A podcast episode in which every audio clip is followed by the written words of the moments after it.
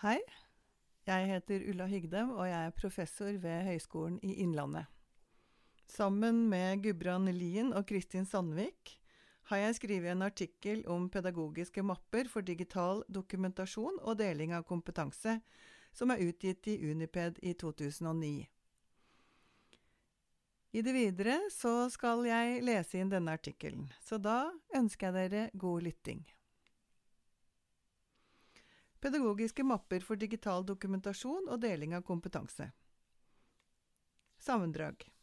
Pedagogiske mapper blir i økende grad nasjonalt og internasjonalt benytta til dokumentasjon og deling av pedagogisk kompetanse. Denne artikkelen ser vi nærmere på dette fenomenet, hva som er rasjonalet bak digitale pedagogiske mapper, og hvordan disse kan benyttes i undervisnings- og kompetansesammenheng. Vi konsentrerer oss om de sidene ved digitale pedagogiske mapper som har formål om kompetansevurdering og deling i høyere utdanning. Med utgangspunkt i bibliotekets undervisningstilbud ser vi på digitale mapper knytta til markedsføring av egen virksomhet. Vårt spørsmål er om pedagogiske mapper gir mulighet for en bredere og mer fyllestgjørende vurdering av pedagogisk kompetanse og utviklingsarbeid, individuelt og kollektivt, enn hva som er mulig innenfor dagens universitets- og høyskolepraksis. Hvorfor digitale mapper? En tradisjonell analog mappe kan beskrives som en systematisk samling med arbeider, ofte studentarbeider, som viser innsats, prosess, progresjon og refleksjon innenfor et fagområde.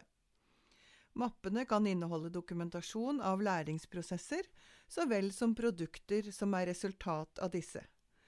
En digital mappe kan beskrives som citat, en digital læringsarena som søker å utvikle et datastøttet, dynamisk samarbeidsnettverk med kunnskapsdeling og kunnskapsbygging som mål. En digital mappe bygger dermed på de samme prinsipp som en vanlig papirbasert mappe, hvor to viktige stikkord er kunnskapsdeling og kunnskapsutvikling. En digital mappe vil være transparent, dvs. Si den gir mulighet for innsyn, som igjen gir mulighet for samarbeidslæring og kollektive prosesser og produkter. Spørsmålet er så hva kan pedagogiske mapper brukes til, og hvordan er de i bruk i dag? Vårt hovedfokus i denne artikkelen er 1. I hvilken grad pedagogiske digitale mapper kan brukes for en bredere vurdering av pedagogisk kompetanse ved stillingsopprykk i universitets- og høyskolesektoren, UH-sektoren, og to, bruk av digitale personlige mapper som arena for refleksjon eller refleksiv læring gjennom egen og eventuelt andres praksis, og tre, om bruk av pedagogiske digitale mapper knyttet til kollektiv markedsføring av egen virksomhet. Utover en diskusjon og drøfting av disse hovedemnene presenteres også resultater fra en enkel spørreundersøkelse om hva vitenskapelig ansatte tenker om bruk av pedagogiske mapper for digital dokumentasjon og deling av kompetanse. Tekniske løsninger og spørsmål vedrørende digitale mapper berøres ikke i denne artikkelen. Før vi går nærmere inn på de tre ovenfor nevnte hovedemnene, vil vi nevne et utvalg områder hvor pedagogiske digitale mapper brukes eller kan brukes. Bruk av pedagogiske digitale mapper. Bruk av pedagogiske digitale mapper kan på samme måte som for studenter bidra til en utvikling fra en individuell til kollektiv læringsprosess. Å plassere sitt eget arbeid slik at andre kan se og vurdere det, vil skape en økt bevissthet på kvaliteten av det en sender fra seg, og invitere til selvkritikk. Mappene bør imidlertid over tid brukes og veksle mellom formative og summative formål. Dokumentering av egen pedagogisk virksomhet kan brukes til å øke innsikten i hva kolleger foretar seg i sine klasserom, og gjøre den mer åpen for kollegial vurdering ved å stille egen virksomhet til skue og åpne seg for andres oppfatninger og først og fremst kollegial kritikk, har man også økt sjansene for at man kan se egen virksomhet tydeligere og tenke nye tanker om den. Ifølge Handal og Lauvås består den enkelte lærers praksisteori av personlige erfaringer, teori i form av overført kunnskap og verdier. Enkelte kan være lite bevisst på og har ofte vansker med å formulere egen praksisteori. Å begrunne egne handlinger, vise belegg for påstander i sitt forhold til læring, ved konfrontasjon, og å sette ord på egen praksisteori kan åpne for utvikling og eventuell revidering av egen teori. Altså refleksiv læring. I fagterminologien betegnes refleksjon over egen praksis og fagutvikling som metakognisjon. Åpenhet, innsyn og transparens er første forutsetning for å kunne hjelpe hverandre og veilede hverandre som kolleger. Kollektivt innsyn i hverandres praksis, kobla med kollektiv refleksjon, kan føre til en kollektiv, praksisfundert teori. Dersom et kollege kan etablere et slikt grunnlag for handling og refleksjon, kan man styrke planleggingen av studier, lagring av program og tverrfaglige innsatser. Man får bedre innsikt i egne svake og sterke sider, og får et bedre grunnlag for å markedsføre seg kollektivt overfor eksterne oppdragsgivere, overfor studenter eller andre avdelinger. Som vi viser i eksempelet om biblioteket seinere i artikkelen. Man kan også lettere se huller i egen kompetanse og bli mer spesifikk på hvilken kompetanse man ønsker ved nye utlysninger. Et viktig bruksområde er i stillingssøking, der en digital mappe blir en presentasjon av oppnådde resultater som praktisk universitets- eller høyskolepedagog, der søkeren kan dokumentere sin egen pedagogiske filosofi, eller credo, som John Dewey kalte det. Demonstrere sine pedagogiske prosjekter og kompetanser, og gi til beste sine refleksjoner over egen virksomhet. Det er med andre ord mange og løfterike bruksområder for pedagogiske mapper, men også noen farer som vi skal ta opp. Kompetansevurdering. Vi skal først se på hvordan pedagogisk virksomhet i dag typisk blir vektlagt ved ansettelser og vurderinger i ulike stillingskategorier, og hvordan dette skal dokumenteres. Vår hypotese er at dagens praksis for ansettelser i vitenskapelige stillinger ikke vektlegger pedagogisk virksomhet og kompetanse i nevneverdig grad. I tillegg vil vi hevde at UH-sektoren gjennom sin praksis ved søknader generelt, i retningslinjer, stillingsbetenkninger og utlysningsbetenkninger i liten grad gir seg selv mulighet for å gjøre en brei kompetansevurdering av pedagogisk virksomhet. Innenfor dagens retningslinjer ved ansettelser er kvalifikasjonsgrunnlaget med hensyn til pedagogisk virksomhet for de enkelte stillingstyper som følger av Kunnskapsdepartementet fra 2006, vel å merke. Ved ansettelser som professor skal denne ha dokumentert relevant praktisk pedagogisk kompetanse på grunnlag av utdanning eller undervisning og veiledning. Den samme formulering gjelder også for dosent, førsteamanuensis, førstelektor, høyskolelektor, universitetslektor og høyskolelærer. Men for førstelektoransettelse skal spesielle kvalifikasjoner innenfor undervisning eller annen pedagogisk virksomhet tillegges stor vekt. For opprykk til dosent er det et krav om dokumentert kompetanse innenfor forsknings- og utviklingsarbeid, retta mot yrkesfeltet og pedagogisk utviklingsarbeid og annen pedagogisk virksomhet. Fra paragraf 2-2. For opprykk til førsteamanuensis og førstelektor er ikke pedagogisk kompetanse spesielt nevnt i forskriften fra 2006. I tillegg åpner forskriften for å sende inn annen skriftlig eller digital dokumentasjon av kvalifikasjoner. Vi konstaterer at i dagens situasjon, som var i 2008, vil det være høyskolelektorer som kvalifiserer seg for førstelektorstilling, som vil ha den mest direkte nytten av pedagogiske mapper med hensyn til kvalifikasjonsvurdering, og at det generelt er gitt anledning til å dokumentere kompetanse ved hjelp av digital informasjon. Dette understrekes av f.eks. Høgskolen i Oslos satsing på førstelektorkvalifisering gjennom et digitalt mappeprogram. Hvordan blir så stillingsbetenkninger til vitenskapelige stillinger faktisk utformet med hensyn til dokumentasjon av pedagogisk virksomhet? Vi har sett på praksis ved flere universitet og høyskoler gjennom et søk på stillingsutlysninger ved institusjonenes hjemmesider. Siden UH-sektoren er relativt konform, gitt felles nasjonale retningslinjer, har vi først tatt utgangspunkt i Høgskolen i Lillehammer, HIL. For en professor- eller førsteamanuensisstilling ved HIL i 2008 er følgende elementer vektlagt. Utdanning og vitenskapelig produksjon, undervisningserfaring og dokumentert pedagogisk kompetanse, administrativ og organisatorisk erfaring, relevant yrkeserfaring, om søkerne gjennom sitt arbeid har hatt syn for fagets samfunnsmessige relasjoner, hvordan søkernes forskning og faglig orientering korresponderer med HILs behov og ressurser.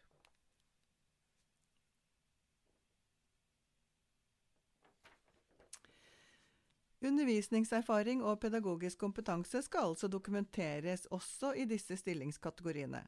Om søkerne har hatt syn for fagets samfunnsmessige relasjoner, er også et område som skal dokumenteres, og som kan ligge tett knyttet til pedagogisk virksomhet gjennom formidlingsvirksomhet, populærvitenskapelige artikler med mer.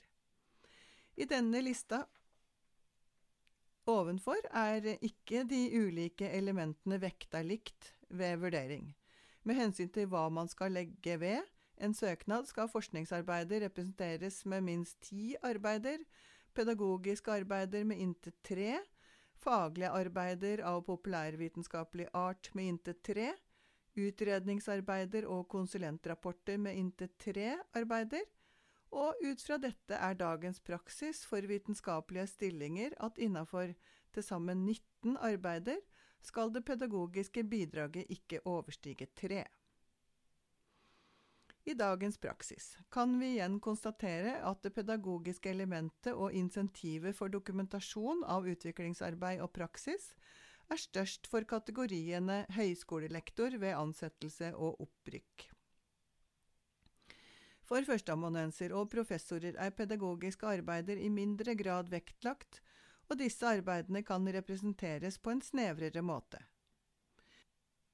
Hvordan mener så universitets- og høyskolesektoren at arbeidene skal dokumenteres og sendes inn for bedømming? For en førstelektor eller høyskolelærer ved HIL er formuleringen at utfyllende CV, produksjons- og eller publikasjonslister og dokumenter, arbeider som skal vurderes, sendes i tre eksemplarer. Alle typer arbeider skal sendes som vedlegg, skriftlige vedlegg, i tre eksemplarer, og det er ikke tilstrekkelig å sende elektroniske vedlegg. Et søk på hjemmesidene til fem andre universitet og høyskoler viser det samme mønsteret. Universitetet i Stavanger har imidlertid åpnet opp for å legge ved andre typer vedlegg enn de tradisjonelle. Dette innebærer at dagens praksis ved de institusjonene vi har sett på, med unntak for film- og mediefagene, ser ut for å begrense mulighetene for digital dokumentasjon av pedagogisk praksis og utviklingsarbeid ved hjelp av pedagogiske mapper. Dermed vil man også i praksis begrense institusjonenes muligheter for en bredere vurdering av pedagogisk kompetanse. En pedagogisk mappe kan inndeles i to nivåer, én arbeidsmappe og én presentasjonsmappe.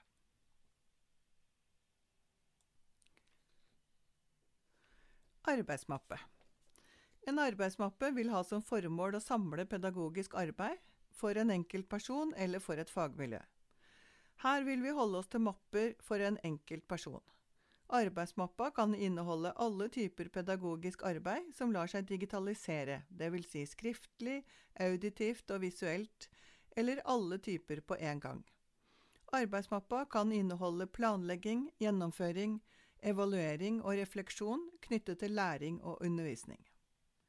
Gjennom et pedagogisk livsløp vil en digital arbeidsmappe representere et samla grunnlag for å kunne rekapitulere og vurdere ens egen utvikling, refleksjon, vurdering og evaluering knytta til undervisning og læring, og dermed utgjøre en arena for og et tilfang til refleksiv læring over tid.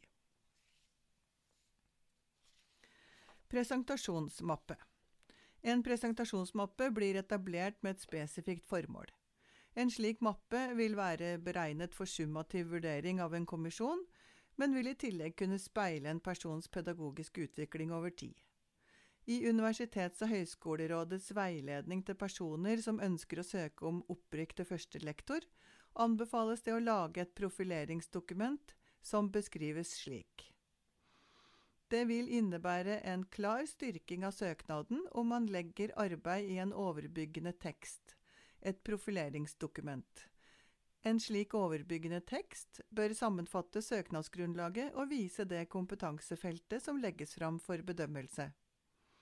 Dokumentet bør også drøfte pedagogisk refleksjon og ståsted, og sammenfatte den læringshistorien som har ført fram til dette ståstedet. En bør kunne vise hvordan den framlagte dokumentasjonen av utviklingsarbeidet inngår i læringshistorien. Gjennom varierte og helhetlige mediale uttrykk i presentasjonsmappa vil en kommisjon og eller en arbeidsgiver kunne vurdere personens pedagogiske og undervisningsmessige profesjonalitet og allsidighet. Dette innebærer også at innholdet i presentasjonsmappa ikke er begrensa til personens egne vurderinger av pedagogikk og pedagogisk arbeid. Like vesentlig kan det være å legge inn kollegavurderinger og andre vurderinger av utviklingsarbeid. Seldin poengterer at Eh, det ideelt sett bør være flere kilder til vurdering av samme pedagogiske hendelse, f.eks. en forelesning, enn individet selv. Dette kan altså være kollegaer, studenter og andre. Alderen ligner dette å sette sammen en personlig pedagogisk mappe og presentere seg selv innenfor en pedagogisk ramme med et fingeravtrykk. Hva kan en pedagogisk digital mappe bestå av? I Norge er vi tidlig i prosessen med hensyn til å benytte pedagogiske digitale mapper, men vi kan hente inspirasjon og eksempler fra andre land. Siden det ikke er utarbeidet noen særlige standarder på norsk for hvordan ei slik mappe bør se ut, vil vi heller gi eksempler på de mulighetene som fins.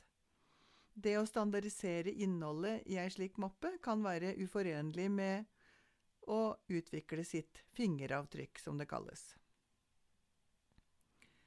Et eksempel på en mappestruktur for en digital pedagogiske mappe kan vi se hos førsteamanuensis ved Universitetet i Tromsø, Marit Allern, fra 2007.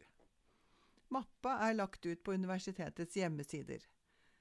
Denne er inndelt i følgende hovedposter CV, undervisningshistorie, undervisningsfilosofi, eksempler og læremidler. Alle disse bidragene er skriftlige. Som vi ser allerede av denne oversikten, og denne oversiktlige inndelinga legger alderen vekt på å vise utvikling, refleksjon over egen praksis og pedagogisk praksisteori, gjennom f.eks. undervisningshistorie og en egen mappe om sin pedagogiske filosofi. Det finnes imidlertid også auditive og eller visuelle muligheter for dokumentasjon. Slike er tatt i bruk ved f.eks. University of Texas, eh, på Center for Teaching Effectiveness. Og hvis vi sammenholder vår gjennomgang av litteraturen og praksisen på området, nedfeller det seg noen hovedområder for oppbygging av en pedagogisk mappe.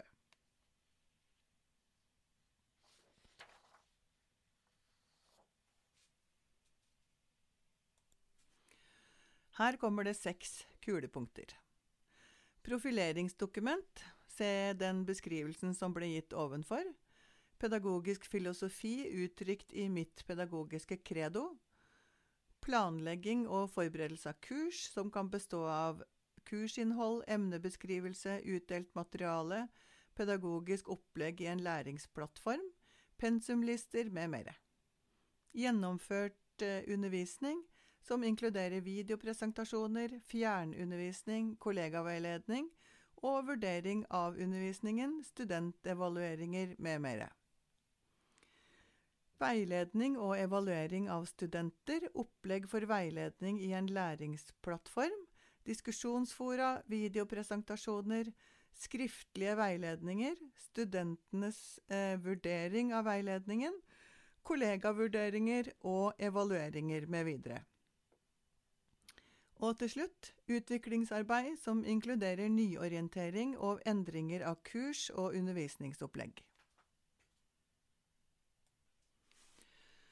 Som vi ser er muligheten i prinsippet legio for å digitalt dokumentere pedagogisk og undervisningsmessig praksis, utviklingsarbeid og kompetanse.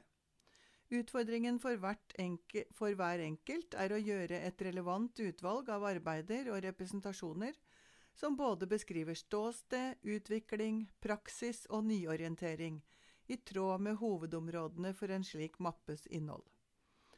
En annen utfordring er knytta til refleksjon over egen praksis, hvor bevisstheten av noe av ens egen profesjonelle utøvelse vil være såkalt taus kunnskap en type kunnskap innvevd i profesjonsutøvelsen som ikke lar seg bringe fram for individet som gjenstand for refleksjon.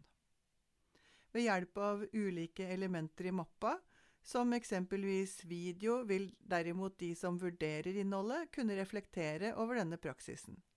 I tillegg vil elementer av kollegavurdering og veiledning i mappa kunne bringe fram andres refleksjoner over den tause profesjonskunnskapen, slik forskning gjennom observasjon av praksis viser. Mappa som en del av CV. Valget av mappas plassering i det digitale rom, på en webside eller på en egen harddisk, styrer graden av offentlighet og tilgjengelighet. Det bør også vurderes hvilken, i hvilken sammenheng mappa presenteres, og hvilke andre budskap man ønsker framført. En undervisers pedagogiske kompetanse, f.eks. i digital mappe, kan slik naturlig være en del av ens curriculum vitae.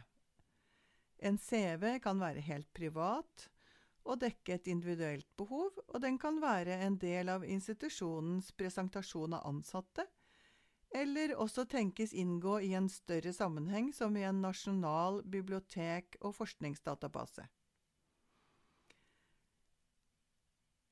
En CV har grunnelementene personlige opplysninger, utdanning og arbeidserfaring. Andre elementer som etter hvert blir tatt inn i en CV-sammenheng, er f.eks. For forskning, kursvirksomhet, tillitsverv og samfunnsengasjement. For undervisningspersonalet bør den pedagogiske kompetansen og pedagogisk praksis bli et ytterligere element i en helhetlig CV. Mapper som markedsføring av egen virksomhet. Pedagogiske digitale mapper er i litteraturen mest brukt som et individuelt uttrykk. Ved sin egenart, transparens og åpenhet utvides det individuelle preget mot kollektive prosesser, mot en læringsøkologi.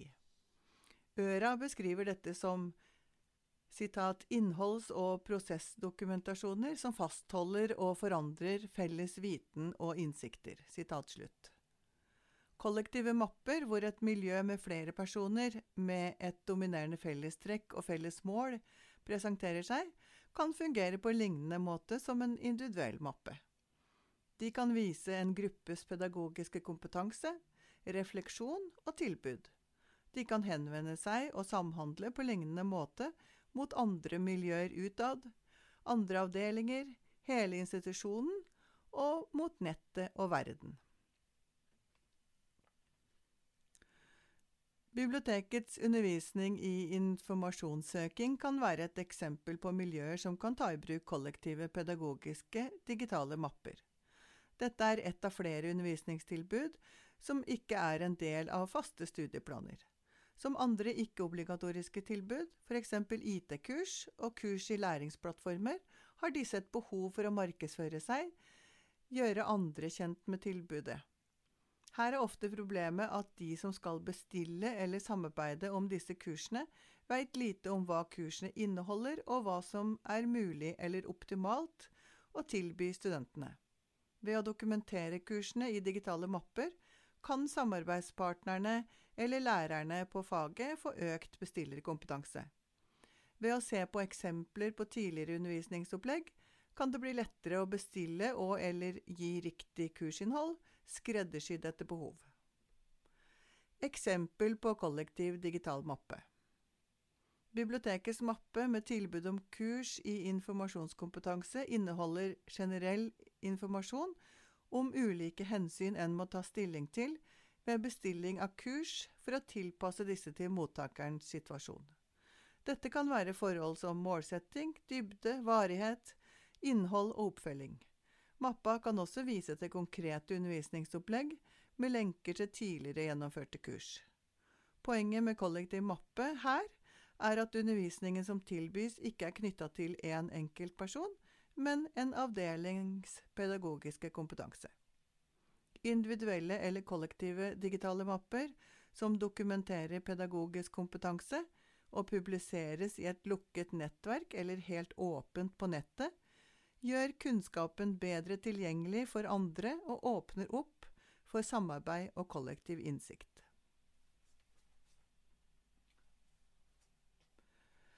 Mulighetenes kunst. I dette avsnittet vil vi først diskutere hvilke fordeler og muligheter som er knytta til bruk av digitale pedagogiske mapper. Deretter blir innvendinger som hovedsakelig er knytta til arbeids- og kontrollaspektet belyst. Bedre avbalansering av vitenskapelig produksjon og pedagogisk kompetanse. I dagens system ved vurdering om stillingsopprykk er det sterkest fokus på vitenskapelig produksjon og de som lykkes med det, stiller vanligvis med de sterkeste søknadene. Samtidig er det mange i UH-sektoren som vier størst oppmerksomhet mot undervisningsdelen. Dette arbeidet får, som vist i vår gjennomgang av dagens system for kvalifikasjonsgrunnlag for stillingsopprykk, imidlertid relativt liten uttelling ved kompetansevurdering. En årsak til dette er rett og slett at tidligere har pedagogisk kompetanse ofte vært vanskelig å dokumentere. Bruk av pedagogiske digitale mapper og dagens teknologi kan åpne opp for nye muligheter ved stillingsopprykk for de som har sterkere fokus på undervisning enn på vitenskapelig produksjon.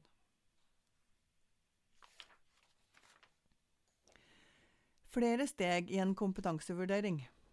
Under forutsetning av at en sammensatt digital pedagogisk mappe inneholder multimediale uttrykk, vil for det første ei slik mappe kunne gi muligheter for en bredere vurdering av en kandidats pedagogiske kompetanse og utvikling enn det dagens praksis med innlevering av kun skriftlige arbeider åpner opp for. For det andre kan en kommisjons vurdering raskt nå et, nå et eller flere steg lengre tidligere i prosessen, dvs. Si forut for intervju og prøveforelesning. En kommisjon vil altså ved hjelp av en digital pedagogisk mappe på et tidlig tidspunkt kunne sette seg inn i kandidatens ferdigheter knytta til de mange virkemidler som brukes i pedagogisk praksis. Eksempler kan være forelesning, veiledning, bruk av IKT-verktøy i undervisning og veiledning, med mer som vist ovenfor. En videoteipet forelesning fra en reell undervisningssituasjon kan gi mye informasjon om kandidaten i denne type undervisning. En prøveforelesning over et oppgitt emne i en undervisningssammenheng, kunstig kontekst, med eksempelvis bare kommisjonen til stede, vil ikke gi samme informasjon om faktisk praksis som det direkte møtet med studentene i en normal setting gjør. Konsekvensen av det foregående resonnementet er en argumentasjon for at et videoopptak fra en faktisk undervisningssituasjon gir mulighet for en bedre vurdering av undervisningskompetanse enn en prøveforelesning vil gi. En mappe kan eksempelvis også inneholde en redigert videoframvisning av hvordan kandidaten benytter læringsplattformer i veiledning og dialog med studentene. Å gi rom i sin mappe for kollegers vurdering kan også gi en kommisjon større innsikt i fagfellesskapets vurdering av personens pedagogiske kompetanse. For det tredje vil en digital pedagogisk mappe kunne gi innsikt i personens syn på undervisning og læring, der hvor den inneholder elementer av refleksjon over egen praksis. For enkelte typer stillinger vil det også være et faglig selvstendig poeng å dokumentere og vise egen pedagogisk utvikling og læring. Til slutt vil vi, som tidligere nevnt, eh, en multimedial mappe kunne gi innsikt i det som er taus kunnskap i kandidatens profesjonsutøvelse som underviser. Kandidater til kompetansevurdering som benytter anledningen til å legge ved en digital pedagogisk mappe med, med annet multimediale elementer, kan gi en kommisjon annen og mer fyllestgjørende informasjon om pedagogisk praksis, kompetanse og grunnsyn på et tidligere stadium i vurderingsprosessen enn det kun skriftlige bidrag ofte vil gi.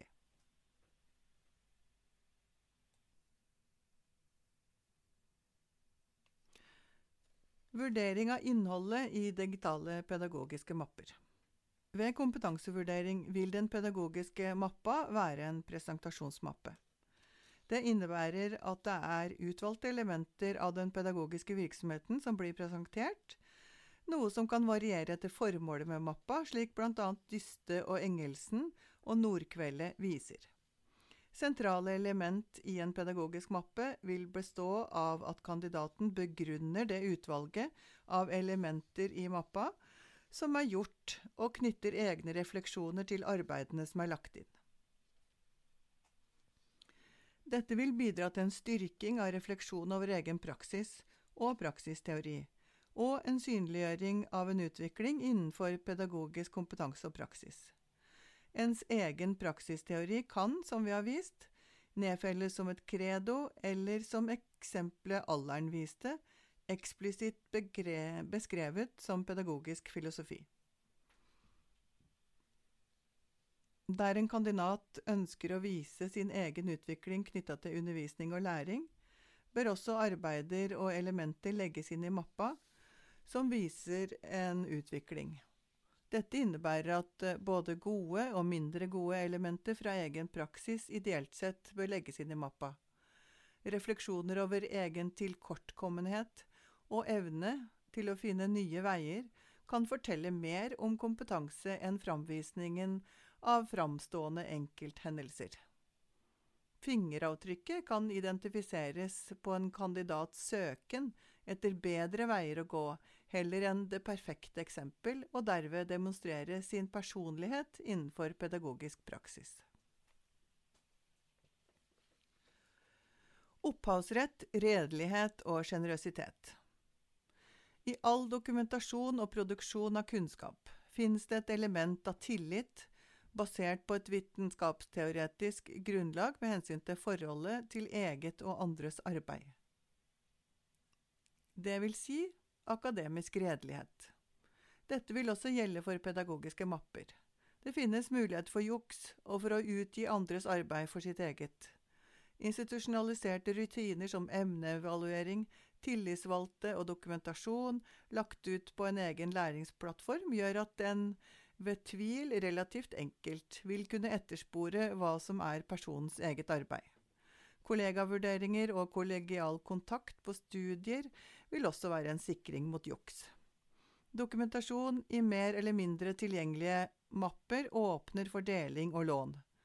Alminnelige holdninger og regler om opphavsrett, avtaler og siteringer bør være selvsagt også her.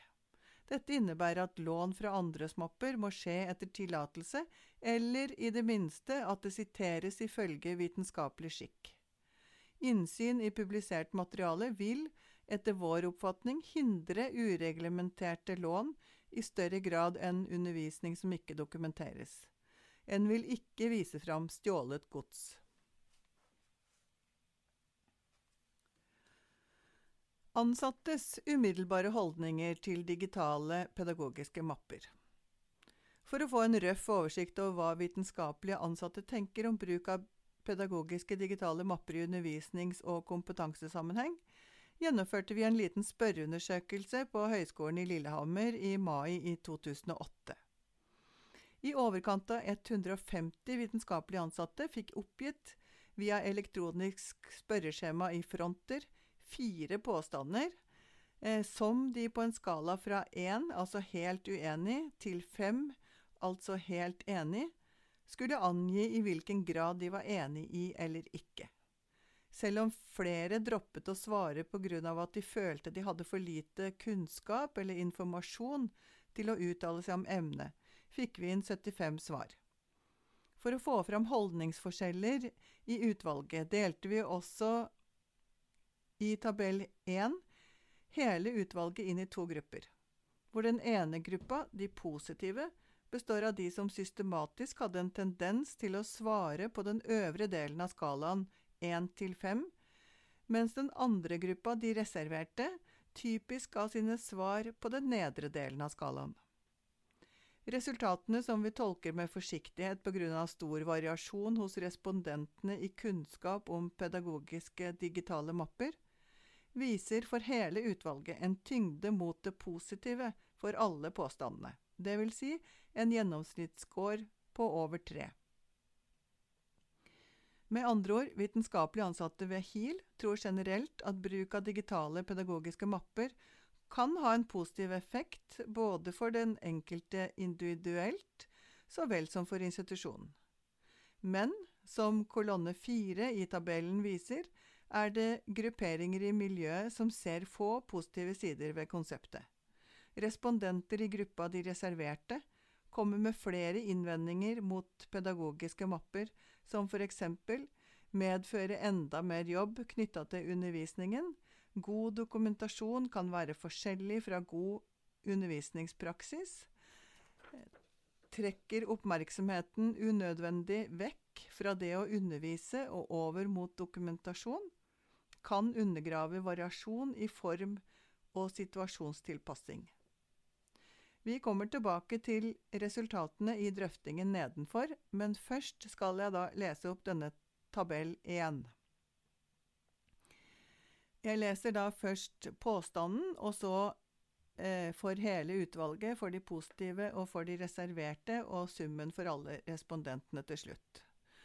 Påstand. I undervisningssammenheng vil digitale pedagogiske mapper bidra til økt refleksjonsnivå av min egen pedagogiske praksis. Gjennomsnittsscore på skalaen 1 til 5 var for hele utvalget 3,2, de positive 3,8 og de reserverte 2,0. Påstand. Dersom HIL hypotetisk bestemmer seg for å ta i bruk pedagogiske mapper som verktøy for dokumentasjon av pedagogisk kompetanse, vil jeg gjøre mitt beste for å utvikle min egen pedagogiske mappe. Gjennomsnittsscore for hele utvalget er 3,4, de positive 4,1 og de reserverte 1,9. Påstand. For kolleger og for undervisningsinstitusjonen vil bruk av digitale pedagogiske mapper gi bedre muligheter når det gjelder kompetanseutveksling, kompetansedeling og kollegaveiledning. Hele utvalget gjennomsnittsscore 3,3, de positive 3,8 og de reserverte 2,3. Påstand. For institusjonen vil digitale pedagogiske mapper legge til rette for en bredere kompetansevurdering ved vurdering av f.eks. stillingsopprykk enn dagens generelle ordning med kun skriftlige bidrag gjør. Hele utvalget 3,4, de positive 4,1, de reserverte 1,9. Antall respondenter 75, de positive 51 og de reserverte 24. Mer arbeid og økt kontroll. Opphavet til interessen for og rasjonalet bak digitale pedagogiske mapper er i hovedsak todelt. Det ene, opp, det ene opphavet har sitt utgangspunkt i en instrumentell tilnærming med vekt på å dokumentere kompetanse. Den andre retningen legger vekt på personlig utvikling gjennom refleksjon individuelt, men også gjerne kollektivt. Det er dette vi tidligere har omtalt som refleksiv læring og metakognisjon. Digitale mapper har muligheter og farer knytta til seg. Knyttet til et instrumentelt perspektiv kan det føres argumenter for hvorfor digitale personlige mapper kan være en hensiktsmessig form for å dokumentere, vurdere og utnytte en bredere pedagogisk kompetanse enn dagens ordning for vurdering av kompetanse tillater ved mange UH-institusjoner i Norge. Et institusjonelt krav om dokumentasjon i pedagogiske mapper vil i tillegg til kompetansevurdering og sertifisering også kunne forstås som kontroll av ansatte, eller av en profesjon. I tillegg vil institusjonalisering med eventuelt tilhørende strømlinjeforming av mapper og krav til innhold i mapper bli en måte å rette seg etter institusjonaliserte og andres krav. En standardisering av pedagogiske mapper vil kunne ha uheldige konsekvenser. Her kan det være nyttig å se tellekant- og kategoriseringssystemet for publisering av forskning som en parallell, hvor systemet gir føringer og former og definerer innholdet. Stramme, definerte vurderingskriterier for digitale mapper vil kunne hemme de mulighetene for mangfold som mapper kan gi. Vi vil argumentere for å framelske en mangslungen, kreativ pedagogisk praksis i tråd med fingeravtrykkprinsippet. Derfor mener vi at pedagogiske mapper ikke bør defineres i faste kategorier og krav til utforming. De av våre informanter som vi har kategorisert som de reserverte, trekker opp slike momenter som nevnt ovenfor, som grunner for sin skepsis. Legget og Bunker påpeker at eh, også at selv om pedagogiske mapper kan være egnet for dokumentasjon av kompetanse, innehar konseptet flere negative effekter. De hevder at institusjoner som lykkes i næringslivet, har fokus på å lære av tidligere feil, ta høyde for å handle ut fra kompleksitet, være forberedt på at ufor uforutsette ting skjer, og utnytte spisskompetanse. Legget og Bunker hevder at digitale mapper er lite egnet verktøy til å ivareta disse forhold ved en undervisningssituasjon. Mange ønsker likevel at pedagogisk praksis blir oppvurdert, slik vi har vist i bruk av digitale pedagogiske mapper kan bidra til. Fordelene ved å dokumentere sin pedagogiske kompetanse i digitale mapper vil kunne føre til at flere tar dem i bruk. Hvis også institusjonene åpner for at en opprykkssøknad kan leveres i digital form, kan en forvente en innebygd smittende effekt. En institusjonalisering i form av krav eller tvang er dermed ikke nødvendig. Også et system basert på frivillighet vil få konsekvenser og må være gjennomtenkt. Dyste påpeker sammenheng mellom tiltak og målsetting, at valg og vurderingsform skal tjene som læringsmål innen faget. Tilsvarende tenkning må ligge bak en innføring av et system for dokumentasjon og vurdering av pedagogisk kompetanse. Det må være tjenlig i forhold til hva vi ønsker å oppnå.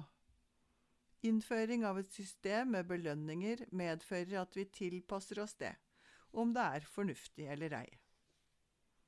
Som flere av våre informanter peker på ovenfor, vil arbeid med digitale pedagogiske mapper bety flere administrative og tekniske arbeidsoppgaver utenom selve undervisningen, og presset på tid øker. Denne konklusjonen fra ansatte viser også andre undersøkelser. Vårt utgangspunkt er, i tillegg til det instrumentelle aspektet, det humanistiske. Gjennom arbeidsmapper og kollektive mapper kan det legges bedre til rette for at hver enkelt underviser har anledning til å reflektere over egen praksis, individuelt eller sammen med fagfeller og eller studenter. Gjennom en slik digital plattform kan den personlige utviklingen styrkes gjennom multimedial dokumentasjon, refleksiv læring og metakognisjon. Å etablere én eller flere arbeidsmapper åpner for å ta et skritt til siden, som vi kan si. Se, reflektere, lære og kommunisere med andre. Dette vil kunne være individets og læringsmiljøets gevinst, ved å ta i bruk digitale pedagogiske mapper med utgangspunkt i perspektivet læring.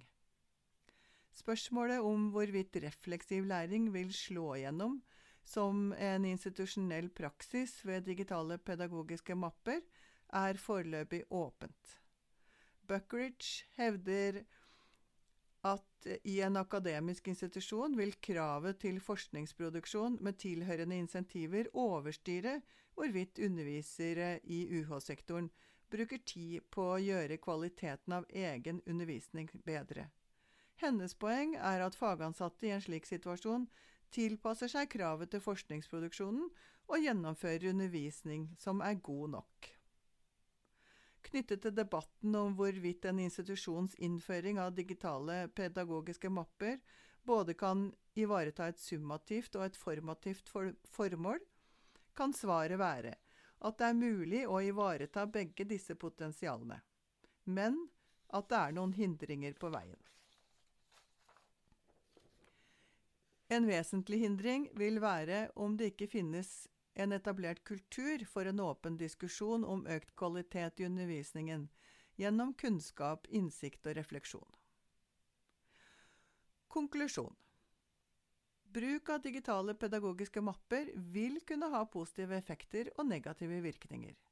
Vi har argumentert for følgende positive effekter. For individet vil digitale pedagogiske mappers krav til innhold kunne være en katalysator for et økt refleksjonsnivå av egen pedagogisk praksis, og til at flere typer pedagogisk kompetanse og utviklingsarbeid blir dokumentert. For kolleger og for undervisningsinstitusjonen vil muligheten være større for idé- og kompetanseutveksling, kompetansedeling, som en kollektiv bibliotekmappe, kollegaveiledning og mindre privatisert praksis i undervisningssammenheng. Digitale pedagogiske mapper vil altså kunne øke graden av refererbarhet og transparens i det samlede pedagogiske arbeidet. For institusjonen vil digitale pedagogiske mapper kunne legge til rette for en bredere kompetansevurdering ved vurdering av f.eks. stillingsopprykk enn dagens generelle ordning med kun skriftlige bidrag gjør. Generelt sett vil vi hevde at digitale pedagogiske mapper vil kunne bidra til å styrke det samlede pedagogiske arbeidet ved en institusjon ved bl.a. økt refleksjonsnivå over egen pedagogiske praksis, og utviklingsarbeid, større transparens, kollegaveiledning og et bredere vurderingsgrunnlag av allsidig praksis. Imidlertid finnes det flere muligheter for negative virkninger, som også vår empiriske spørreundersøkelse belyser. Og dette konkluderer eh, lesningen av eh, artikkelen eh, om pedagogiske mapper for digital dokumentasjon og deling av kompetanse. Når det gjelder kildehenvisninger og litteraturlista, så er det å finne i den trykte utgaven av artikkelen, og denne kan lastes ned i notatene til dette lydsporet. Takk for meg.